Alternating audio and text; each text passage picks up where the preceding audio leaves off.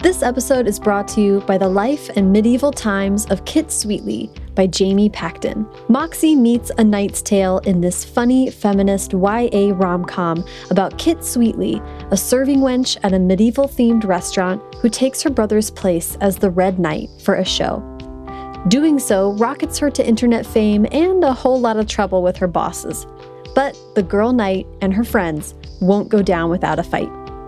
The Life and Medieval Times of Kit Sweetly is out today from Page Street Kids.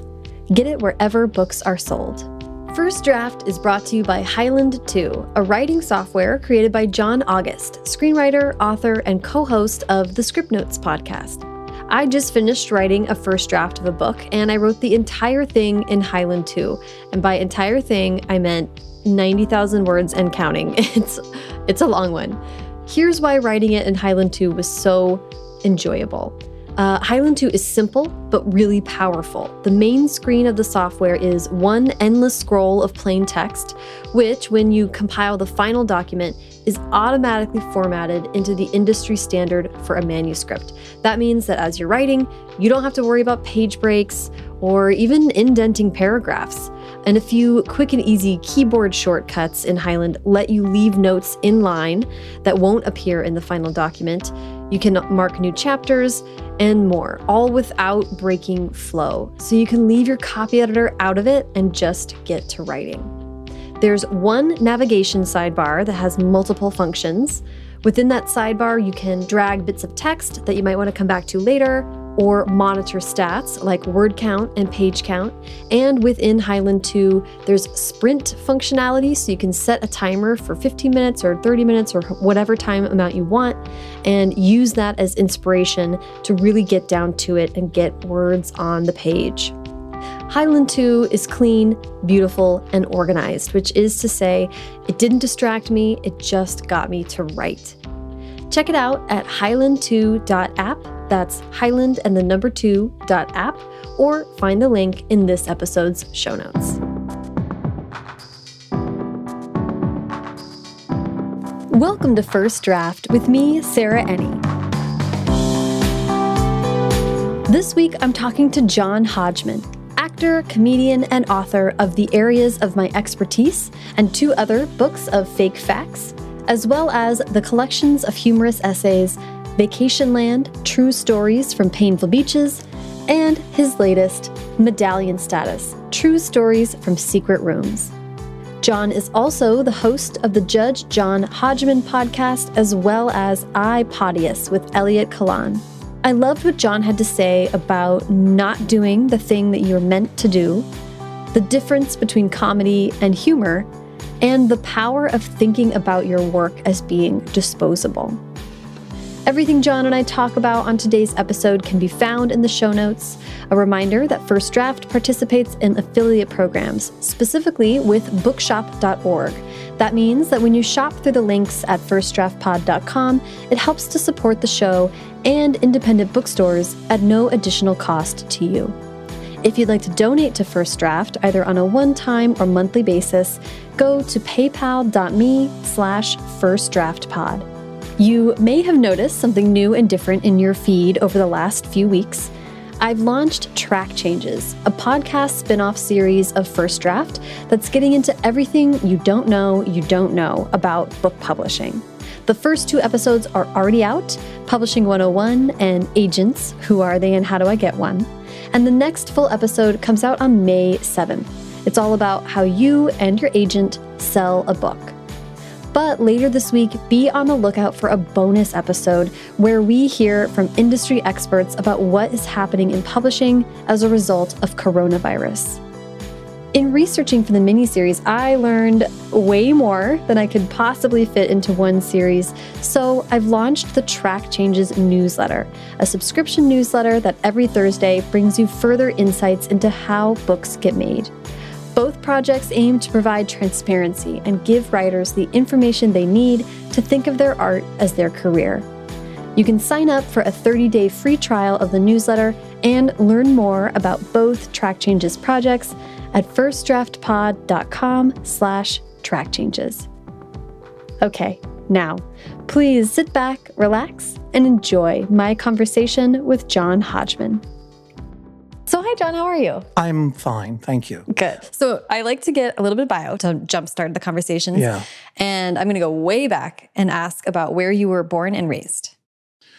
I was born in Mount Auburn Hospital in Cambridge, Massachusetts. It's one of my security questions. So enjoy enjoy my bank account, everyone. because most people, if they were going to try to hack my life, they would be like, "Where were you born?" And they would say Brookline, Massachusetts, Right. Because that is where I grew up and was raised, and I make no secret of that.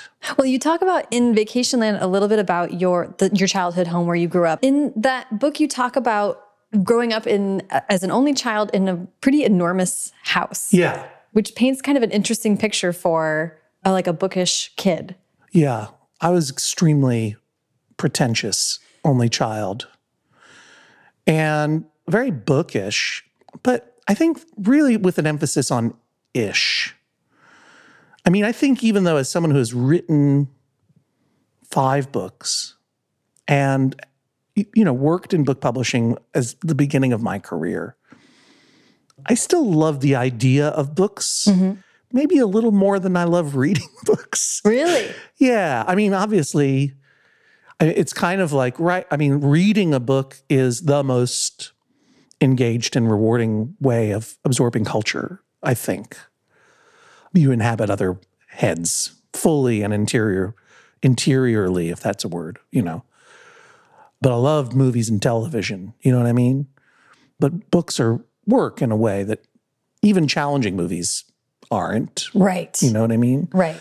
even the easiest book is a little bit more work, asks a little bit more from you than, you know, some of the more challenging movies. Yeah, it's a really good point. It's interesting. I mean, Gonna get a lot of hate on the internet No. for that. no But- way.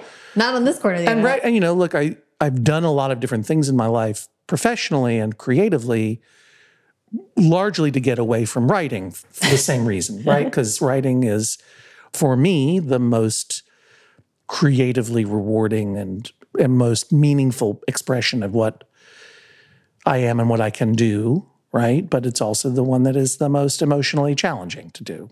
Than, It's very say, hard. Podcasting. See, this I can do all day long. It's fun to talk, you know. or acting, where they just treat you like a big old baby, and you know. I wish I could do more of that, but you know, I I went on television accidentally, and you know, published a book of humor called The Areas of My Expertise in 2005, and that put me on the Daily Show as a guest. And we had a good time, Jon Stewart and I, and they invited me to come back as a cast member, which was an accident, and I wasn't supposed to be on television, but culture has corrected itself. and I'm not on television that much anymore. Well, I want to I want to lead up through that and kind of talk about I mean, I just I love your descriptions of your childhood are just so colorful and really fun and but it's interesting to hear you I reflect had on a happy childhood. Yeah. Yeah, it was fun. and to hear you talk about being I think about this a lot about people being maybe naturally suited to a certain age and you've spoken about feeling like you Mm-hmm. were meant to be a I think you said a 39-year-old sexless bachelor was Yeah, your- emphasis on sexless. I mean, that was the thing. As an only child moving into adolescence, I had very limited experience with any kinds of confrontations with siblings, and I didn't do sports. So any kind of high emotional intensity interaction was very terrifying to me. So yeah, I I I made myself into a 39-year-old sexless bachelor. And I kept that up pretty well for into my late teens. Yeah. And if people would like to know more about that, I, I wrote a pilot for a TV show called Only Child based on that time in my life that did not get made. But our mutual friend, uh, Ben Acker, has a podcast on my network or the network that we share, the Maximum Fun Network, called Dead Pilot Society. And we did a table reading of Only Child. You did that? Yeah. That's great. I'll link That's to available. it in the show notes. Yeah, yeah. it's, you know, it was it was uh, a lot of fun to, you know, when something doesn't get made, you know, if you if you write a book that doesn't get published, I guess that's pretty sad. That's actually probably sadder. But but I would say that the odds of writing a book and having it not be published are lower than writing a TV show and not having it get made. Yeah, it happens. That happens all the time. You would not be in a contract to write a book and get paid to do it. Right. And then have the publisher go, yeah, you know, we're just not feeling it anymore. But that happens with TV all the time. all the time. And Like TV yeah. pilots die a, an ignoble death. Like if you wrote a book, you could also put it on Wattpad or put it online or sell it on Amazon yourself. Right. TV pilots, no one's clamoring to read those in your spare time. Yeah, there's nothing you can really do with it, which is why Dead Pilot Society is such a fun podcast because it's like all of these things that didn't get made get a table read. And so that was that was very nice. That's cool, But I mean, there is also something very liberating about being in a industry in which people are frequently commissioning you to write things that are never going to are unlikely to happen. Lets you take chances and fool around in genres that you wouldn't necessarily mess around with. Yeah. Try things out for size and so forth. I like that. That's and that's fun. It's liberating to imagine your work is disposable. And I think that writers of prose are not encouraged to think that way because it's a huge investment. There's a lot of sunk cost in writing a novel. like two to five years, it's hard to think about that Yeah. as disposable. That's why I never did one. yeah. But, you know, writing in prose is often quite personal. And yet it is, I think, beneficial to think of it as being disposable to a degree. I mean, that's what a, I dare say, a first draft is all about. Look, I'm king of the segues. Well, I really want to talk about about writing for TV or writing for yourself, but I want to I want to kind of build up to it because I I can't uh, not talk about you being a literary agent, which I just think is so fun Yeah. and interesting and, and informative. Uh, you went to Yale and studied literary criticism, Yeah. and then moved on to become a literary agent. What was what was the Well, that's you a very see, you see job. how it's all about book-ish. Do you see what I mean? like I did study creative writing at in college. Okay. Later in college, with Don Faulkner, who was the writing teacher there. They didn't have an MFA at Yale though, and then I studied with in the summertime at a program at Yale with um, a great short story writer who sadly just passed away named Lee K. Abbott, whom I would recommend people check out. Wildly wonderful, funny, great guy and and kinetic writer of short stories, kind of the last of the Raymond Carver generation of that boom of short story writers who could just write short stories and never write a novel. You know what I mean? That doesn't exist anymore. But yeah, but my degree was in literary criticism. I liked the idea of books. Mm-hmm. I like thinking about the idea of books, about taking apart what texts are and the work they're doing compared to the work that they think they're doing. right? Do you know what I mean? Yes. And then when I when I was graduated from college and moved to New York City, I rudely discovered that um, lots of people had useless degrees like mine, and even if only two people had them, no one wanted to hire you to do literary criticism. Even if there's only one graduate from all of colleges with a degree in literary theory, that person would still not be unhirable. you know what I mean? Like That's true. New York did not prepare a romantic ninth, you know, sixth floor garret for me to do my thinking about the ideas of books in. And I had to get a job, and I, but I loved the world of books and the mm-hmm. world of writers. And I realized that if I worked in publishing, I could be around books and writers, but I wouldn't have to write things myself, which Yeah. was what I knew even then was what I wanted to do. But you know, you you avoid doing the things that you know you want to do a lot. Well, I want to ask about that because that's a concept that's like very near and dear to me. My first book came out last year, and much to- Congratulations. thank you. And much to my surprise, it ended up being about exactly that about um, the young woman who is the lead of the book.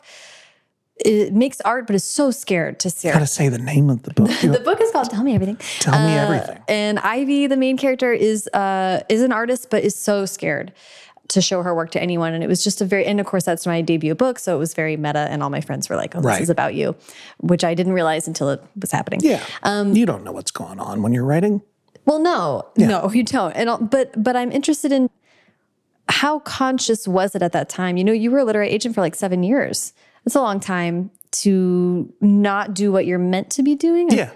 Yeah, but I'm lucky that it was only 7 Mm-hmm. I mean, most people get into a career track that might not be what they're meant to be doing and lose a life to it, you know? and not unhappily. I mean, I was I stayed for seven years because I was working in a beautiful office. This was a beautiful townhouse mm-hmm. that had a garret-like top floor where my cubicle was. After hours, I mean, I had a key to it, and you know, I could stay late and work in the boss's office, which I mean, truly looked like what your cinematic imagination would conjure for you know a, a garret to mm-hmm. to write in. I could pretend, you know what I mean? Yeah. And then during the day, I liked my colleagues. We got along really well. We were doing work that was meaningful and valuable. You know, working with authors that cared about. I mean, the the thing that I, the core of the work at a literary agency, though, is selling. Right. Is a sales job, Right. which is to someone who has no stomach for confrontation, negotiating uh, over the phone or in person for another person is I can't even say the words. It's so scary, you know. I could have maybe made an argument and gotten away with it to say, you should just hire me to scout Right. Right. and work editorially with people and get things together and then hand it off to. It was, I mean, that's what I was doing essentially as an assistant. That's why they relied on assistants for that kind of work. But and if they had said, "Yeah, well, we'll pay you this meaningful salary, and you don't have to sell a book. You just have to find people and be a sort of, uh, you know, a an artist in repertoire, and you know, as they say in recording, like just deal with the talent." Whew, come on, I'd still be doing that. It was great, great, taking people out to lunch. That does sound like a dream. But, you know, luckily, you know, the business of book publishing has no business calling itself a business.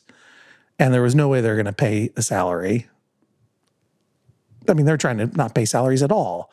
So over time, I realized that because I couldn't negotiate very well, and that is a core part of the job, it was a disservice to my own friends and clients to remain their agents. And I also had started writing on the side to supplement my meager income Yeah. for magazines, which also existed at, at that time. Right. You know, so Yeah, and I want I want to ask about this and also about um, your mom's unfortunate passing from lung cancer Yeah. being a turning point. yeah, I wrote all about it in Vacationland, Yes. my book, my penultimate book so far. yeah, it's a little premature maybe, but Uh, I'm pretty sure. pretty sure there's Vacationland and then Medallion Status, which came out after Vacationland and is kind of a follow up. And then I don't know. I don't know if there's going to be another. We'll see. all right. Well, pretty sure. Pretty sure. Uh, for now, it's the penultimate book I ever, I ever wrote. yes. Yeah, my, you know, so in I guess I was 28 or turning 29 when my mom was diagnosed with cancer. I'd just gotten married, still married. Um, she had lung cancer. She was a lifelong smoker. Did not come. It was not a pleasant surprise, and it sadly was not a surprise. You know, but she was only 58, Wow. and uh, she died pretty. You know, within five or six months, she had passed away. You know, aggressive treatment, but it was too late. And obviously, te- terrifying and awful. One of the things that breaks your life in half, you know, into before and after, right?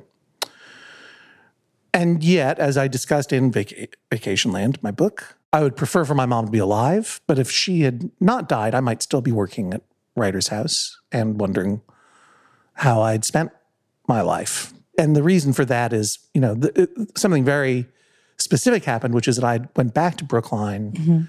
To be with her and help take care of her and help take care of my dad, be with my dad. And I left my job for a long stretch of time. And if you're a conscientious person and maybe an egotist, which I think I'm both, you want to believe that you're indispensable. If you are a, a cowardly only child who's afraid of conflict, you don't want to ever make anyone mad at you. And therefore, it's very easy to stick in a situation, professional situation specifically, where I can't leave because my clients will be mad.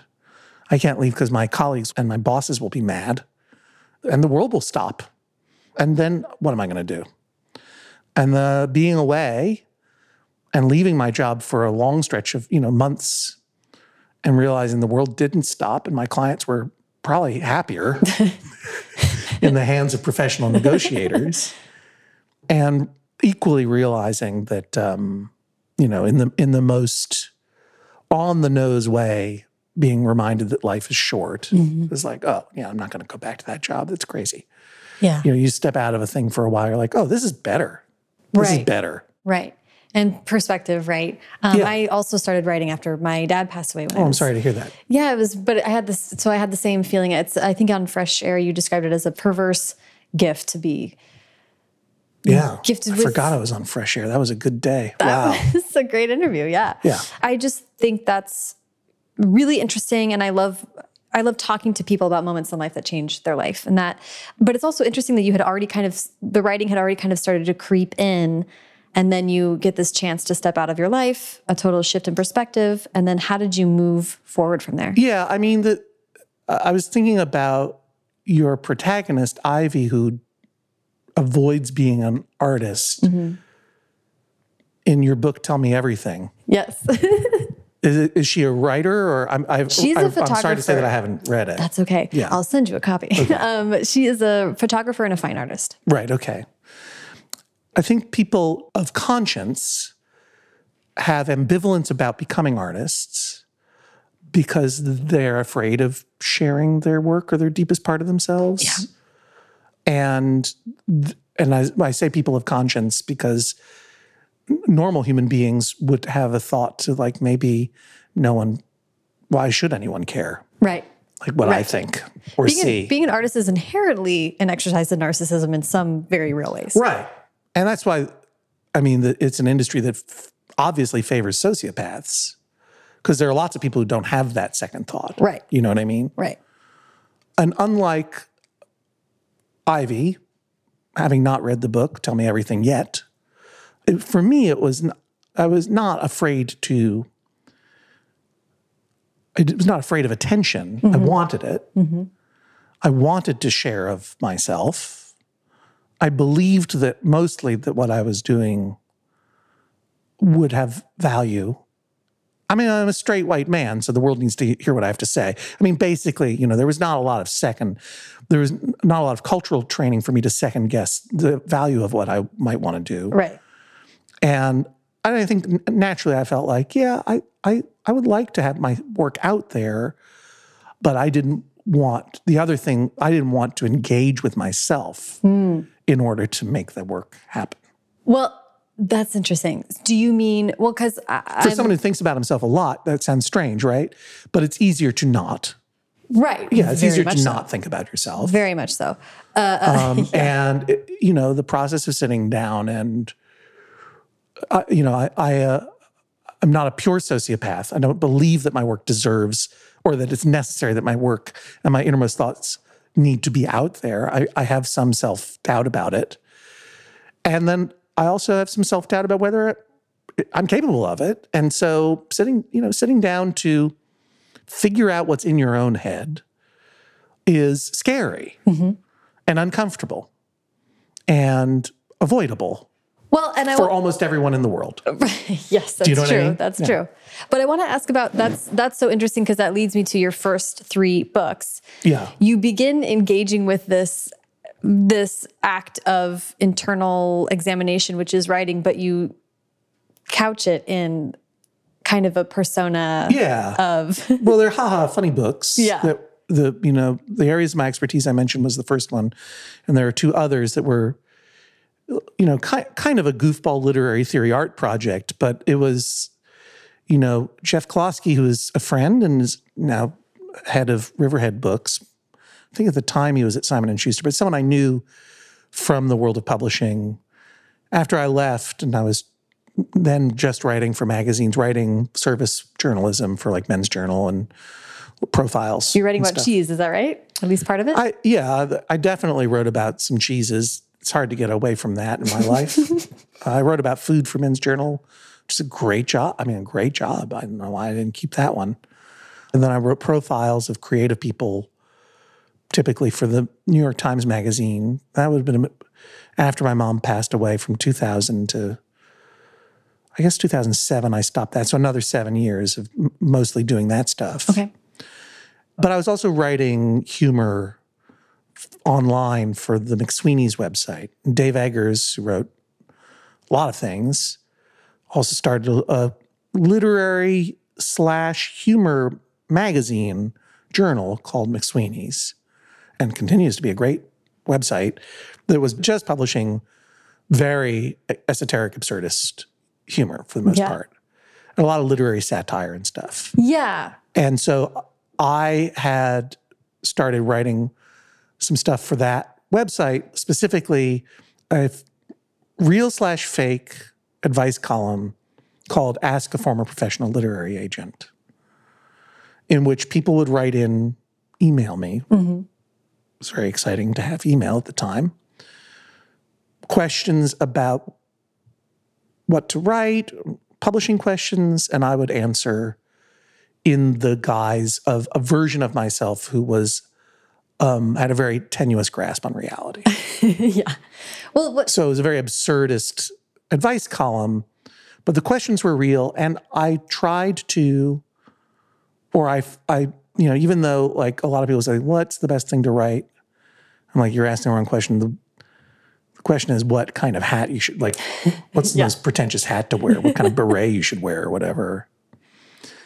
And and then things went into into different territory as the column went on, and people would ask about knee pain and stuff, uh, love uh, life stuff, and I would answer in the in the guise of this worldly, accomplished, but but maybe uh, uh, but maybe homeless former former publishing professional yeah. who had this air of deranged authority. I, I want to, well, and deranged authority kind of comes up uh, in Yeah. personae that you have. Right. Um, and the, and, the, and that's what those books and so you know that version of John Hodgman was an you know an an elaboration of me and I started writing comedy that way and then I wrote then so Jeff Kloske said I know you want to write a book at some point there's a guy named Ben Schott who had written this compilation of weird facts in the UK called Schott's Miscellany and I loved the book, and it was very McSweeney's in, in tenor and tone. And Jeff was like, "You should." Jeff was, and maybe still is, Dave's editor. He said, "You should do a version. You should do this in America." I'm like, "Yeah, but he did it already. Like, he already had collected all of this esoteric facts, mm-hmm. like what all the markings on laundry tags mean." Um, you know, lists of interesting, weird facts and, and truly, I mean, truly one of the most pristine jokes that I've ever, I think about it all the time. This was because his book, Schott's Miscellany, was real things, right? It was just weird things that you never think about. I can't think of better examples. Go look at the book. yeah. I'm sure there's going to be a link in the show show Absolutely. notes. Yeah, he's great, and he's done lots and lots of books. But he one, one this one joke that was so good. It's like a list of unconventional measurements, mm-hmm. and there were a, a lot of them that were all of them. I think were real. Like, you know, we don't measure weight in the United States in stone, mm-hmm. but they, you do that in the UK and blah blah blah. And then there was one. It's like a millihelen. M I L I H E L E N.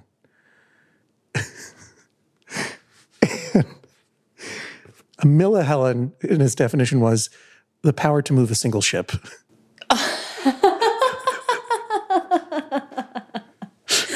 Wow. Right. That's amazing. And if you get that joke, then then you get that joke. then you get the book. yeah. you get, yeah. Well, yeah. I mean, that was like I kind of felt a door open in my mind Mm-hmm. when I when he and I.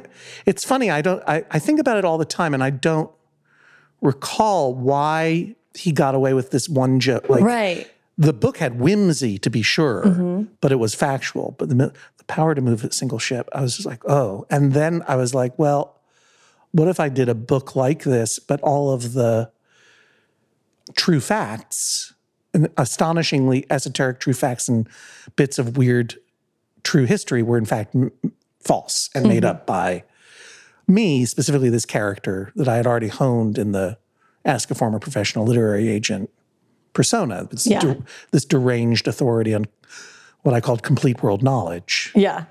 in the areas of my expertise. So, Well, I want to ask about writing comedy, writing humorous, um, and and this is such a specific like subgenre of comedy, right? Writing in books is different. It, it's a whole different way of being funny than it is in speaking out loud or off Yeah. the cuff. And but I just want to ask, and because it does not require laughter, it's very forgiving. It, it can be it's it's just it requires like context and you have to think about how you're Yeah, but when you're it's gonna look on the writing when you're writing prose humor, I mean, I don't even know that you can call it comedy because it's comedic, Mm-hmm. it's comedy-ish.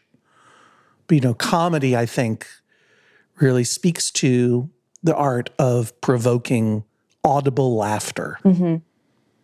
from human beings who are watching it or seeing it or experiencing it, Mm-hmm. right? And humor, the obligation of laughter is minimal. Like a low chuckle is enough. right. And whether or not you provoke that laughter, you will never know Right.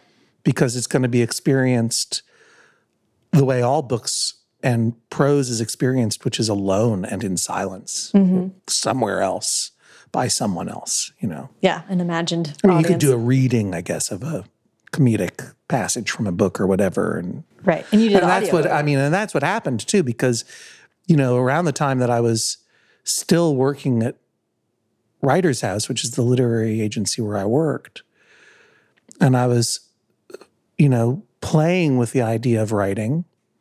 I was writing for magazines. I was writing, I think the first thing I wrote were capsule video game reviews for Time Out New York. Thanks, Tom Similian, for assigning me that job.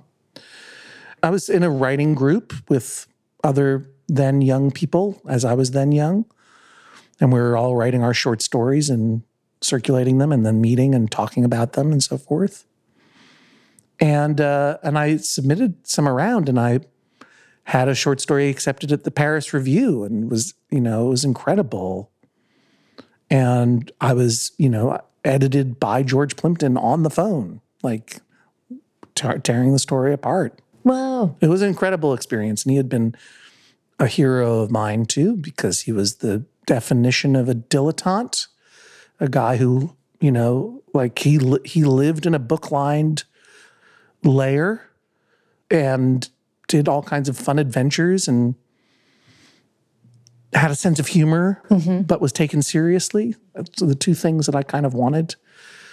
And um, there was a reading to celebrate that particular issue. It was an issue full of young, undiscovered or unpublished, previously unpublished writers. And um, I read the story, which was a not intended to be comedic story about a guy who sublets an apartment in Manhattan and doesn't realize that the, the woman who's normally living there is subletting it to him to get away from a stalker. Oh. So he inherits the stalker. Oh my gosh. It's a good bit. I mean, it was a bit, Right. as they say in comedy, but I wasn't playing it for laughs. And then I read it and I was getting laughs. Hmm. I didn't mind. Mm-hmm. I was like, oh, yeah, this is funny. I didn't know it, but it was funny. Well, that's kind of what what I'm really interested in is not everyone can or is interested in writing comedy. So I'm interested in how Well, everyone's interested in writing it. that's not true. Well, Some in people my hate world. some people hate to laugh. but I have some friends who are truly not like interested in Right. that as a as a lens No. on what they write. Right. And that's great and fine, more for us. But it kind of sounds like you couldn't keep yourself from. Yeah, I mean, and that, you know, I had an experience after my mom passed away. As I say, I'd been moonlighting on the side at Writers House. I wrote this, the short story came out a couple of years before I left. I was writing little bits and bobs for different magazines. And then when I left, when I decided to not go back to the job, I was like, I have to make money. And I was very lucky that Mark Adams, who is now a nonfiction writer of great and appropriate renown, he writes travel travel books Meet Me in Atlantis was his book about following the strange men typically who are trying to prove a historical Atlantis. And his latest book is about Alaska. Mark Adams, Mark C. Adams, very, very smart and funny writer and a dear friend. And he was an editor at Men's Journal magazine. And he was the one who assigned me my first work there and gave me, you know, essentially gave me a job. Mm-hmm. And I was writing about cocktails at first, which is something I have a fondness for. And I was totally imitating my friend Adam Sachs, who was already established as a food and drink writer for GQ. And Adam is a very funny writer, but I, I, I was just doing an imitation of what I thought magazine writing was, quote mm-hmm. unquote.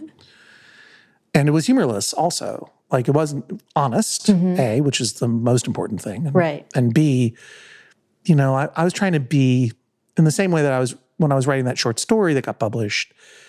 I was trying to be serious, like literally. I wanted to be taken seriously, mm-hmm. right? So I was trying to be serious about it. And Mark said to me, "Why don't you just you're funny. You should be funny. And I was like, I thought that that would be kind of like lesser, you know? I was like, you really want that? He said, yeah, people like funny stuff. like, we want to publish funny things. Right. And you are it, you do it, and it comes naturally to you. And it doesn't come naturally to a lot of people. Not a lot of people can do it. I was like, oh, I never thought about that. I, I always felt it was like a tick that I had to get rid of. Right. It didn't occur to me that it, I mean, and I, I'm pretty funny. I'm pretty funny. But lots of people are funnier. Do you know what I mean? Mm. But it is the way that I navigate the world and my own expression. And it felt like something I had to get rid of in order to be serious and be taken literally serious. Like I had to be literally be serious. Right. And Mark like, uh, no, that's an asset, dude. And years later, I would listen to Jesse Thorn, who's my co-host on my Judge John Hodgman podcast, which in many ways is the same thing as Ask a Former Professional Literary Agent. Right. But with less absurdism, right? But Jesse uh, has an interview show called Bullseye. Uh, he's one of the greatest interviewers on in any medium, and this happens to be radio and podcasting. It's on NPR. And he was interviewing George Saunders, great serious writer who is also very funny. And George Saunders was describing the moment. I, I, don't think he needed a Mark Adams in his life. At some point, he gave himself permission to be funny. Right. When he realized it's okay for me to be funny in my work. And George Saunders, I think, if I remember correctly, said something along the lines of I felt as though I had been in a boxing ring for a decade with a hand tied behind my back, and now I had all of my talents. So then I could write funny. And and then I, you know, the the important thing about being funny was when magazines existed, that was actually an asset that they wanted in the late 90s, early 2000s, a, a quippy, funny yeah. voice, you know, which is still desirable in whatever passes for magazines now, you yeah. know, the AV Club or whatever, right? In that kind of service journalism world. So it was marketable, so that was good. But more importantly, it was me, you know, as honest. And it, the thing that I would always say when people would ask me about the books of fake facts, because I was doing fake facts early on before everyone was doing them. You know what I mean? Yeah, right. now it's not so interesting. but how, how do you know that a fake fact is a a good one? And I was like, well, I'm never lying. Like they're not lies. Mm-hmm. The fantasies that I'm in, inventing have to have an element of truth in them in order to be real. Right. Right. So the example that I always give from the first book to describe what it's all about, and it's really kind of the only thing I can ever remember, is it's a lot of lists of interesting facts. But instead of a list of the nine US presidents who were addicted to sex or had smoked cigars or, you know, had weird hobbies or whatever. It was the nine US presidents who secretly had hooks for hands, like, like pirates. Right. And I wrote a little backstory for each of these presidents. Thomas Jefferson designed his own hook, and, you know, I, you know, the and that there. I think the one in the book is FDR had a hook for a hand, but no one, no one knew about it because, out of respect, the press would only photograph him from the wrist up. you know, which is a, a reflection Right. of the real truth that no one knew that, you know, it was not publicized that FDR was a disabled person mm-hmm. and used a wheelchair, mm-hmm. you know.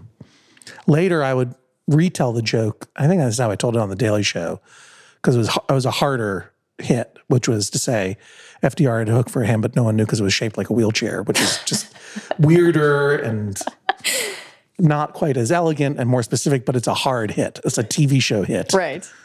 TV com- like that's performed comedy as opposed to, and I'm not even sure it's better. I'm not even sure people think it's funny, and maybe some people feel that it's ableist, but uh, you know that that was a bigger hit than Yeah. Photograph from the wrist up, which is very subtle. Right. But in any case, all of those things, you know, like Thomas Jefferson was an inventor, and, you know, and- FDR did have this secret. And in general, the idea was that there are these, we imagine that there are these secrets to the people who hold positions like the presidency. Mm-hmm. So there was a kernel of truth that made it something other than just a non sequitur. right. A, and B, everything within the book. I mean, even though the John Hodgman narrator of those three books was various exaggerated versions of myself, there was nothing in the books that I was not genuinely interested in Right. and curious about. And there was not some true expression of my own obsessions or preoccupations or whatever. you know. Yeah. So that was the, that was, they had to be true in order to be plausibly fake. Right. And also much more rewarding as a joke if it's not only like hewing close to the truth until it's not, but Right. of genuine interest to you. That's obviously gonna it just reads differently, I think. Yeah, I mean, I think that there there are two sides to it, as you as you point out. Like, I started doing this act on the Daily Show. This was the resident expert character that I portrayed on the Daily Show until I transitioned into the deranged millionaire, l- literally as a joke on Donald Trump, and it was a mistake in my life, and it was a mistake in culture. I think. I hate to think that I may have given oxygen in any way to that thing, but the resident expert, which was the bulk of my work on the Daily Show, was this guy who would come in and explain esoteric concepts.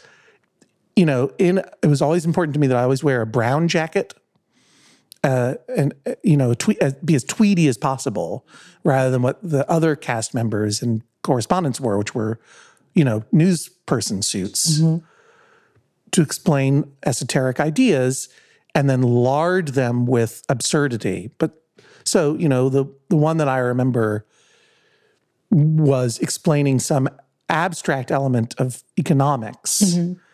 and Jon Stewart saying this is all scripted of course like I worked on it with John and other writers. It's not nothing was off the cuff. But John saying that's really depressing. And I'm like well they they don't call it the dismal science for nothing, John. and he goes, Oh, I understand, which is true. Like they refer to economics as the dismal science. But then I said, No, it was named for Sir Eustace Dismal, the late 19th century economist who first, during the Industrial Revolution, who first proposed, I think it was making smokestacks out of children. you know, just to hammer home the awfulness of the Industrial Revolution. Right. And I said, of course, you know, that idea never panned out because if you make the smokestacks out of children, who are you going to get to clean them?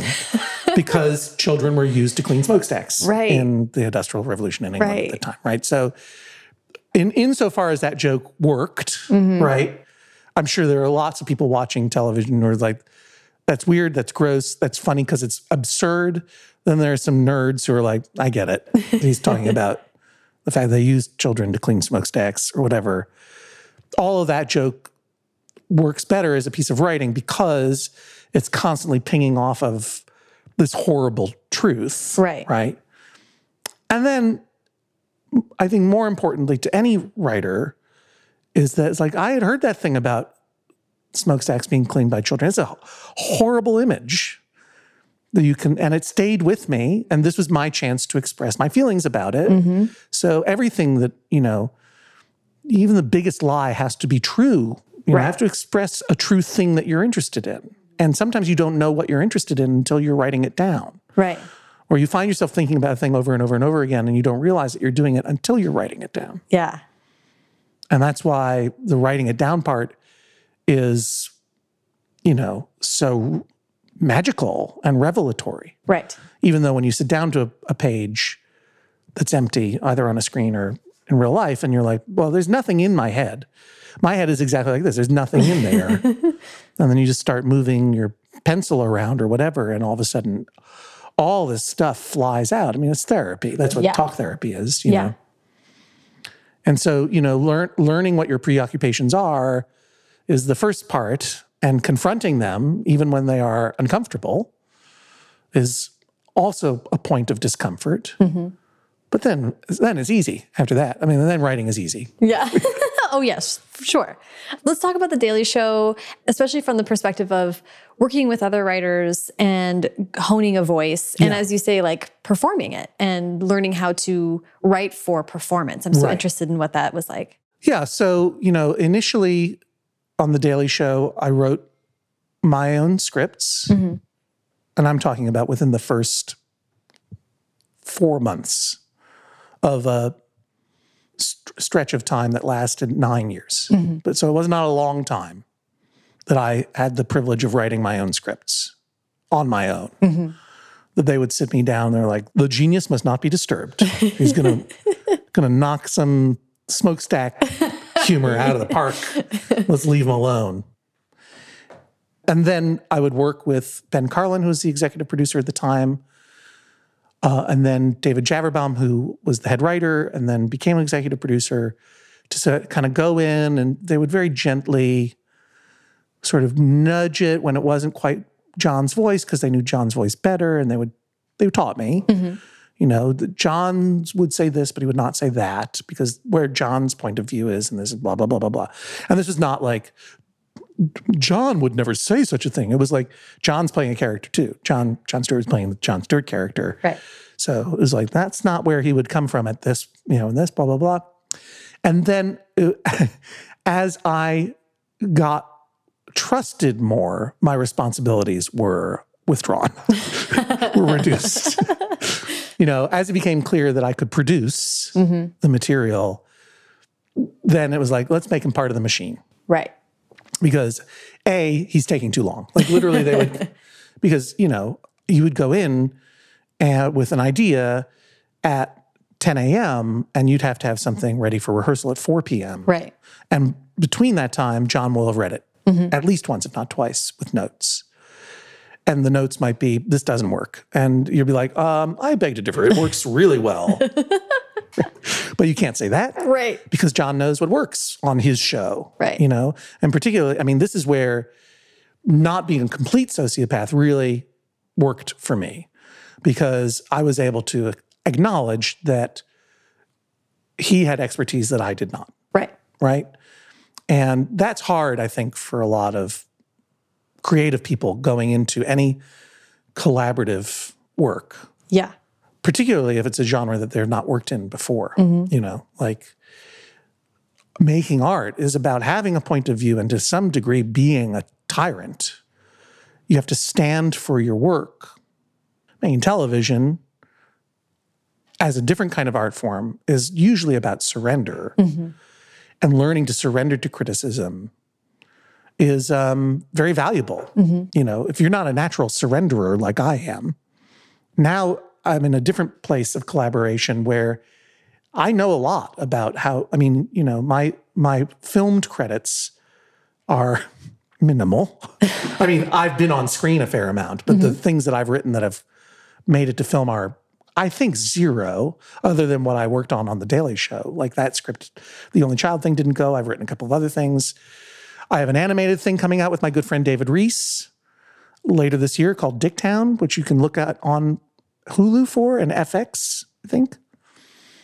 But I've got a lot of experience performing comedy on screen, performing comedy on stage, telling stories in a room where the reaction, the reaction dependent stories, right? Where you can't, there is an expectation that you're going to be uh, funny at a certain pace. Then there is pleasure in defying that expectation and not being funny for a long time and letting them squirm and then hitting the, like dramatic like that kind of I guess you would call it dramatic writing or writing for performance, right? Right. Has a different DNA that I learned from working at the Daily Show and mm-hmm. learned from surrendering to people who had greater experience. Mm-hmm. Now I'm in a position where I can be like, if I'm working with someone going like, that's actually not a hard enough joke for this mm-hmm. Moment, or that's not big enough, or this needs to be simpler. Mm-hmm. Because writing for performance is often about like simple, simple, simple, simple, simple. Yeah. Now I guess we would say it's like writing a tweet. Right. You know what I mean? Your thing is going to pass in front of someone's eyes in real time and then go away and it'll never be there again. right. No one rereads stand up comedy. well, no, that's not true. I mean, there's lots of stand up comedy that is rereadable, as it were, the, and and demands it. You know, Richard Pryor live on the Sunset Strip, like it's a masterwork of performance, nuance, setting it up, telling, paying it off, telling a story, telling a story that's very true. But in that moment, you can't be like, uh, pardon me, Richard Pryor, could you let's flip back a page and really savor this moment Yeah. really savor Mudbone in this moment, you know. so, you know, that once they put me into the machine, I got paired up with DJ, David Javerbaum, who writes jokes. I mean, he is also someone who lives and breathes humor and, and jokes in a brilliant way. You know, he and I would sit together and work on the things, and it was like, nope, nope, nope. And I learned like if he throws it away, it's not just because he's my boss. He knows what works better for this venue. Mm-hmm. And maybe I'll lose a few battles that I wish I could have won. I don't remember what they are. It's the benefit of having, I mean, it was almost literally a daily show, right? Four nights a week, right? And it was topical. It's like gets thrown away, gets thrown away, gets thrown away. And you learn to just discard, discard ideas, discard stuff, you know, I was just talking to, uh, I I had the great fortune to talk to Jill Twiss, who was working on Last Week Tonight with John Oliver Yeah. for six years. And she talked about that in a way I thought was really great. Same thing. She was just saying, you learn that you and your comedy is a renewable resource. Yeah. You, you can just trust, like, well, this isn't working, and I believe that I can move forward and come up with five more jokes. right. And that's really powerful. Like you're saying, Yeah. the disposability of it is kind of freeing in a way. Yeah, and you know, you, I was I was making some dour cracks about Vacationland being my penultimate book, my ultimate book and final book, thus being medallion status. True stories from secret rooms available now wherever you get books in audio and electronic and print editions. I read the audiobook. All of the words except for two words, which are read by Jon Hamm, the actor. Those two words are American Airlines because he is the spokesperson for American Airlines, and that seemed like a funny joke. I have to credit my producer Kevin Thompson for that one. That's pretty good. But yeah, that I, I make jokes about this being the last one, and I make that joke only because I'm scared because I don't have anything in the pipeline for the first time in a long time. You know, I haven't been on the Daily Show now for five years. I don't have an acting job lined up. Dicktown, the animated, it's a short form animated thing. It's like 11 minute episodes. Mm-hmm. You know, that took two years to make because animation is very slow. And it's been done now for six months and it won't come out for another four, I guess. That's It's, wild. cha- it's changing. Things got, I mean, it'll, get, it'll be out there eventually, which is great. Yeah. It's going to be a lot of fun. That's an animated show about a version of a precocious John Hodgman child, but who is now grown up. And in this show, uh, my character, John Hunchman, uh, was a precocious and uh, affected 15 year old who solved crimes in town for local children, Okay. much like a beloved young adult series of mysteries that everyone knows, but I will not name because I do not wish to be sued by the estate of Donald J. Sobol. it is it is an homage. It is not a. But anyway, my character was a prodigal boy detective in this town called Richardsville, known, known unaffectionately by the locals as Dicktown because it's bad town. And I was famous then. Uh, then I grew up, and now I'm in my late 30s, early 40s, my character. And I have not left town, and I am still solving crimes for teenagers. Much to my embarrassment, I have failed to launch, as they say. And David Rees, who is cartoonist and humorist and satirist and TV show host and many, many things. R E E S, look him up. And my dear friend and a true genius. But David Rees's character is my character's former high school bully and arch nemesis who has also failed to thrive in his life and is sort of the last person I know in town. And so, and I don't have a driver's license for reasons that get revealed. And David Rees is my driver and muscle as I solve crimes for teenagers in this town. That is amazing. So, I love that. Please keep in. I gotta. You gotta be plugging at all times because there's so much culture out there, right? It's true. But that's done and in the can. I don't. I would love if they would let us make more of those. I have no idea if they will. David and I are working on some other TV projects. I don't have a big writing. I don't have a book contract at the moment. Unlike Medallion Status, which I knew I wanted to write after Vacationland, I knew I already had those stories kind of in the in the in my mind. Okay. I don't know what's in my mind right now. Interesting. And so, you know, it is a, a scary place to be. I don't know when I next sit down at a blank page. I don't know what the stories are right now. You're in the in the gathering stage, perhaps. Uh, yeah, or maybe retirement. I mean, you know, I've kind of done my life's work. I don't know. Uh, I feel really good about the stuff that I've put out there, and I love doing the podcast, Judge John Hodgman. But you know whether it whether the next thing is going to be a book or not, I don't know. But I try not to panic because what was the name of the person, John Oliver? Oh, uh, Jill Twiss. Right. But like Jill Twiss said, and I don't know her personally, but I she worked on that show. You know, she's a genius. You know, it's important to remember that your creativity is a renewable resource your brain is working all the time. And as I quote Kenny Shopsin at the end of this book, when I was, you know, he's a, I can't go into who Kenny Shopsin was. Look him up. He's one of my, sadly, he's passed on too, but one of my great inspirations. But, you know, when I was working on my third book of fake facts and facing that deadline, Kenny said, Your brain won't let you fuck up. Like, you've got stuff in there. Don't worry about it. It'll come out. As the deadline gets closer, it'll come out.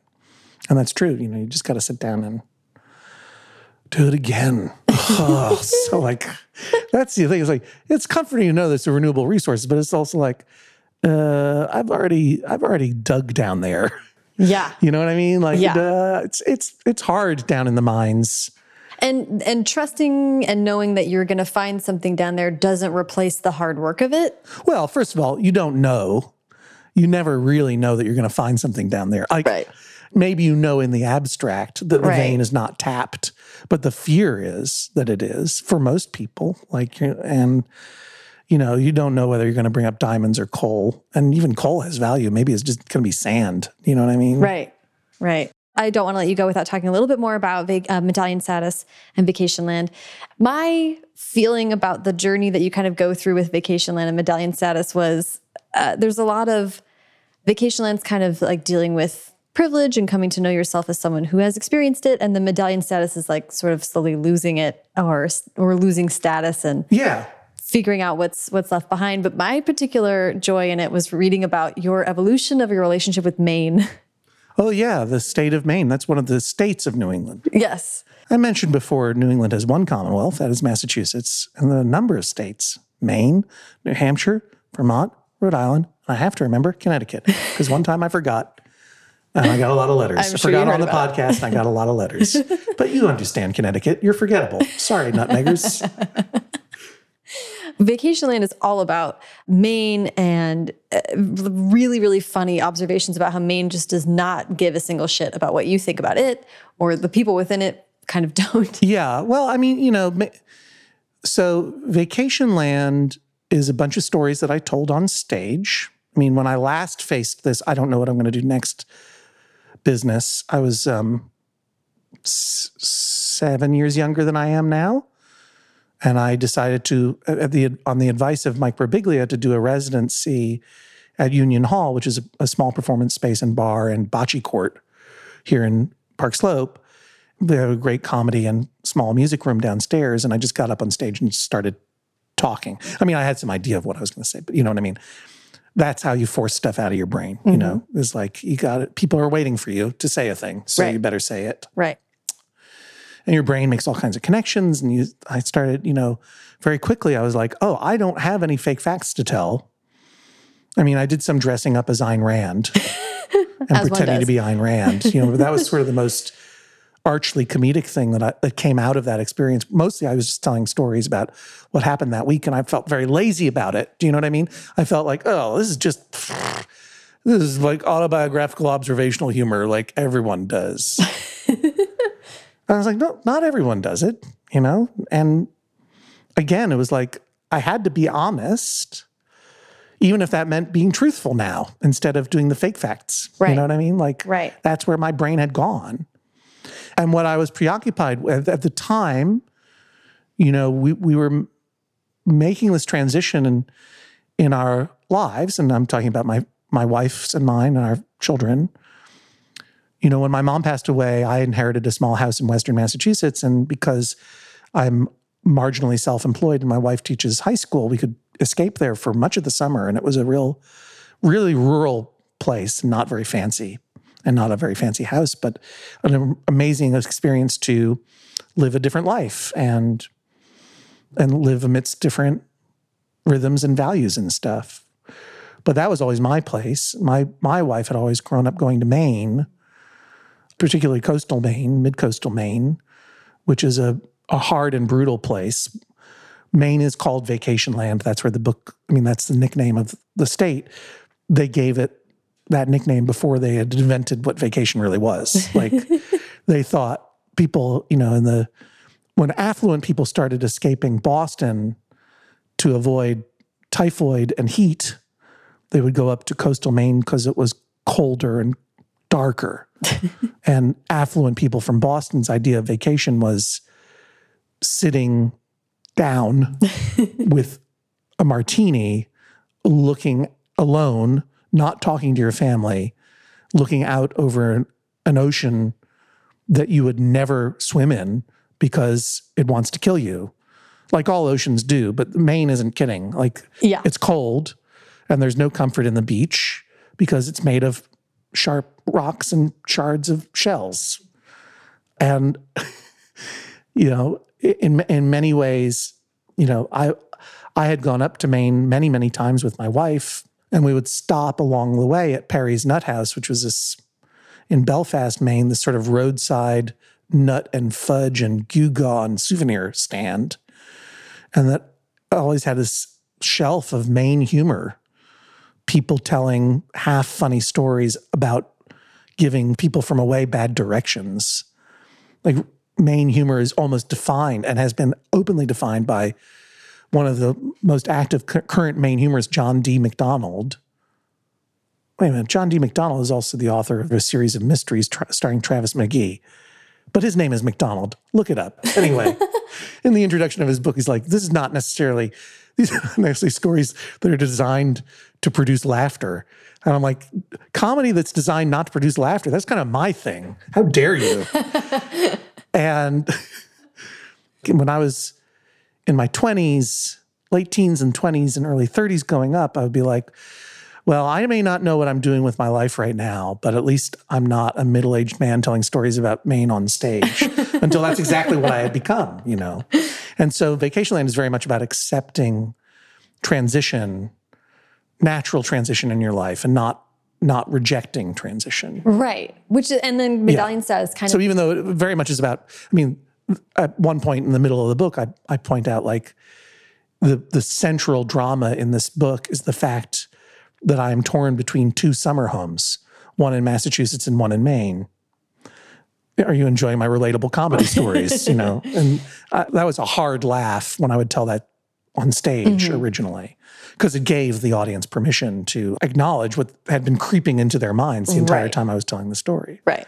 right but it's also it's about privilege and it's about acknowledging privilege for sure but it's also about accepting that you know life you get older and life changes the medallion status is a you know, it's a different group of stories. And I had started telling those the stories of Medallion Status on stage mm. when I started writing down Vacationland. And I never developed Medallion Status into a show the way I developed Vacationland into a one man show, a one person show on stage. But the stories were already being developed as, you know, as the Daily Show particularly came to a close. Mm-hmm. And this unexpected career on television was going through its own transition, which is to say, diminishing and having and sort of having to accept that what passed for the fame that I experienced, which itself was surreal and bizarre. And there are lots of weird stories about meeting the Property Brothers and famous Instagram corgis and other things about fame. You know, feeling feeling the privilege slip away. And while it seems obviously all of my stories are very specific to me, and I am a straight white man who grew up in an affluent suburb of Boston with two parents who were married and loved him, and you know, I had all the privilege in the the world. The most important privilege being that I did not grow up in any fear, you know, and I was loved. But that said, we all do go through hard transitions in life. Our parents pass away, we lose jobs, we lose loves. We have to learn to accept that. And then we also lose status. You know, even if this is a real, I have to, I have to look up. There's an interview from early on in the medallion status publishing process where I was interviewed for Publishers Weekly, and I can never remember the name of the woman who interviewed me, which is a real disgrace. And and leave it in the podcast. I apologize. Well, I'll link to her. yeah, linked to her because she pointed out something that is gestured at in the book, but re- but I hadn't really appreciated until she said it's like anyone who has been a parent has experienced fame.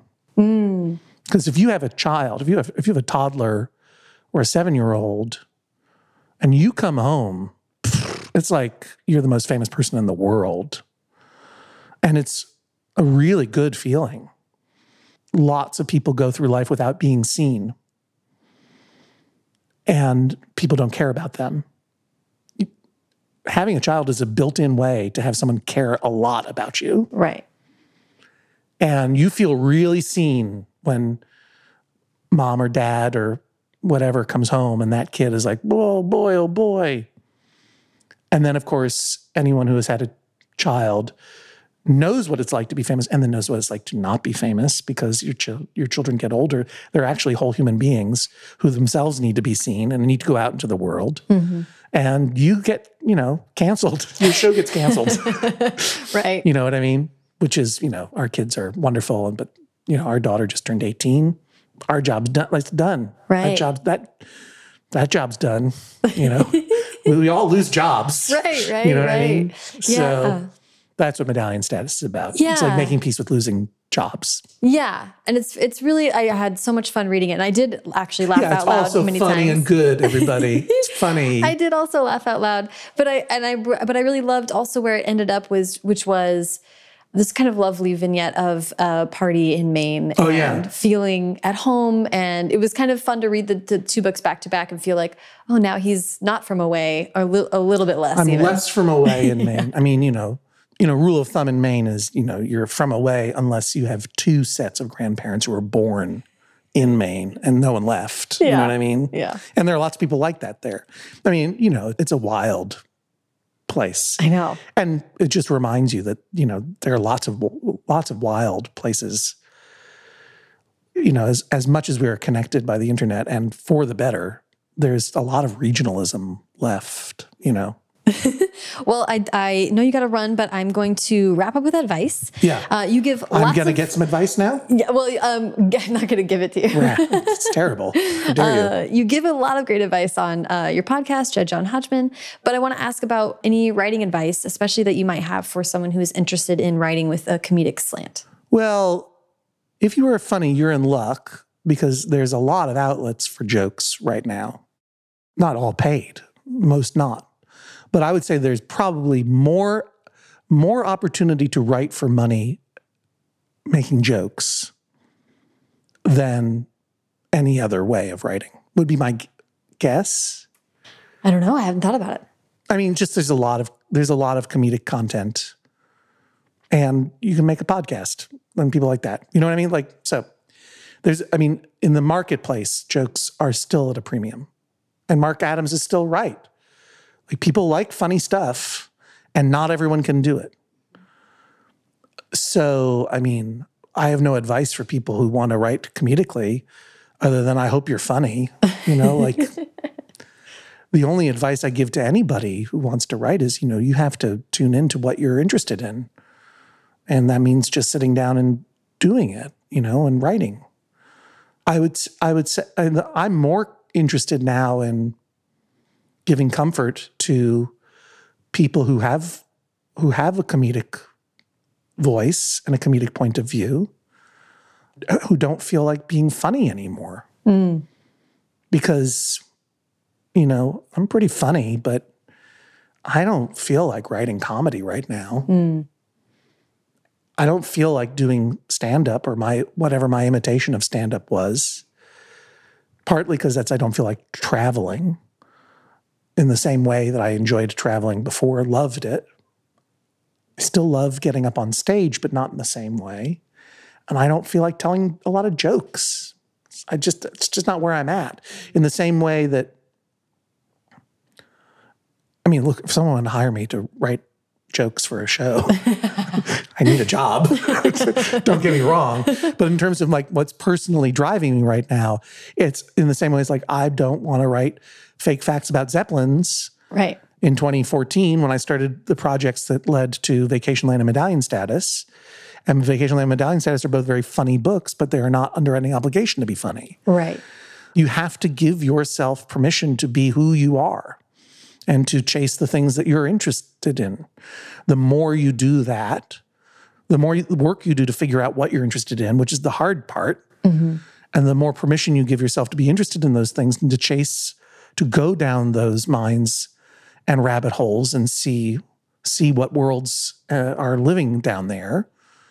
The closer you'll get to being and finding and developing your voice, and then, frankly, the more interesting you'll be to read. And the more interesting you are to read, the more likely you'll be able to have a career in it if that's what you want. So, yeah, write what you know. But the hard part is knowing what you know. And then the equally hard is making sure that you live a life such that you know interesting things. Yeah. I think that's great advice. Yeah. I like that. I know. I'm good at it. well, But here I so go much. now to record my podcast, Judge John Hodgman, available weekly on MaximumFun.org which is our podcast network. Do you want to talk about I Claudius really quick? Yeah. Uh, I also have a, a mini series podcast with my good friend Elliott Kalan, former head writer for The Daily Show with Jon Stewart. He was the last head writer for the Jon Stewart iteration of the show, one of the funniest people in the world. Has a great podcast of his own about movies called The Flophouse with uh, current Daily Show writer Dan McCoy and current funny person and bar owner Stuart Wellington, owner of Hinterlands Bar here in Brooklyn.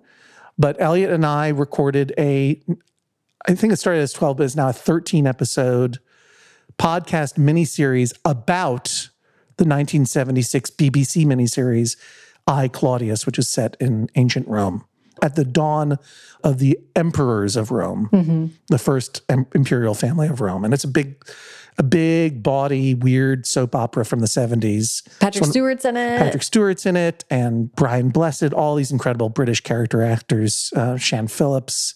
It's just some of the best scenery chewing acting. And you don't even mind that they're chewing the scenery. You don't even mind that the scenery they're chewing is made of cardboard. It's like really low production value, but it's like an incredible piece of theater. It's really fun to watch. And Elliott and I made it on a dare just because I love I Claudius so much. And I Podius is the name of the podcast.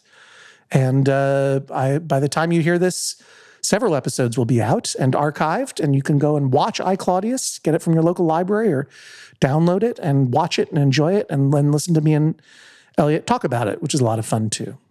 I I'm so excited for that. Yeah. Um, and thank you so much for spending your morning with me. I appreciate it. Thank you. You can catch up with me all the time. JohnHodgman.com. I'm at Hodgman at on Twitter, H O D G M A N. Probably most active these days on Instagram. I am at John Hodgman. J O H N H O D G M A N. No Ian Hodgman. Always be plugging medallion status, hashtag Vacationland. check out my podcast, Judge John Hodgman. check out my SoundCloud. Vacationland. I have a SoundCloud. I forgot about that. Vacationland, the one man or one person show, Oh, was recorded in Toronto in 2015. And I sat on it forever, not knowing what to do about it. So I put it up for free on SoundCloud. amazing. Check it out on SoundCloud. Check out Dicktown on Hulu and FX mm-hmm. when it comes out. All of this is in the show notes. Thanks so much for making this easy. Yeah, absolutely. Thank Cool. you. All right. Thank you so much to John. Follow him on Twitter at Hodgman and on Instagram at John Hodgman. And follow me on both at Sarah Enni and the show at First Draft Pod. This episode was brought to you by The Life and Medieval Times of Kit Sweetly by Jamie Pacton, out today wherever books are sold. And by Highland 2, the writing software that I am using to revise my current project, or at least where I will definitely be doing that revision the minute I stop procrastinating. A quick and easy way to support First Draft is to subscribe to the podcast wherever you're listening right now and leave a rating or review on Apple Podcasts. Leaving a rating and review on Apple Podcasts only takes a couple minutes, but it has a huge impact on the show. I'm going to read a recent review that was left. This is a five star review from Bodacious One. Bodacious One says, It's always interesting to see someone interview another person and see what that interviewer can retrieve. Can they get the subject to first relax and then open up? Sarah has done both with her interview with Cassandra Clare. I've learned fun and useful info. Thank you, Bodacious One. That's very sweet. You can go just a few episodes back in the first draft feed and find that interview with Cassandra Clare. She was a total joy to talk to, and I'm really glad that you found useful info from it. That's great. Finally, if you have any writing or creativity questions that you'd like me and a guest to answer in an upcoming mailbag episode, please call and leave that question at First Draft's voicemail at 818 533 1998, or you can record yourself asking the question and email it to me at mailbag at firstdraftpod.com. Haley Hirschman produces First Draft, and today's episode was produced and sound designed by Callie Wright. The theme music is by Dan Bailey, and the logo was designed by Colin Keith. Thanks to Transcriptionist at Large, Julie Anderson. And as ever, thanks to you, Garrett Dwelling Literary Critics, for listening.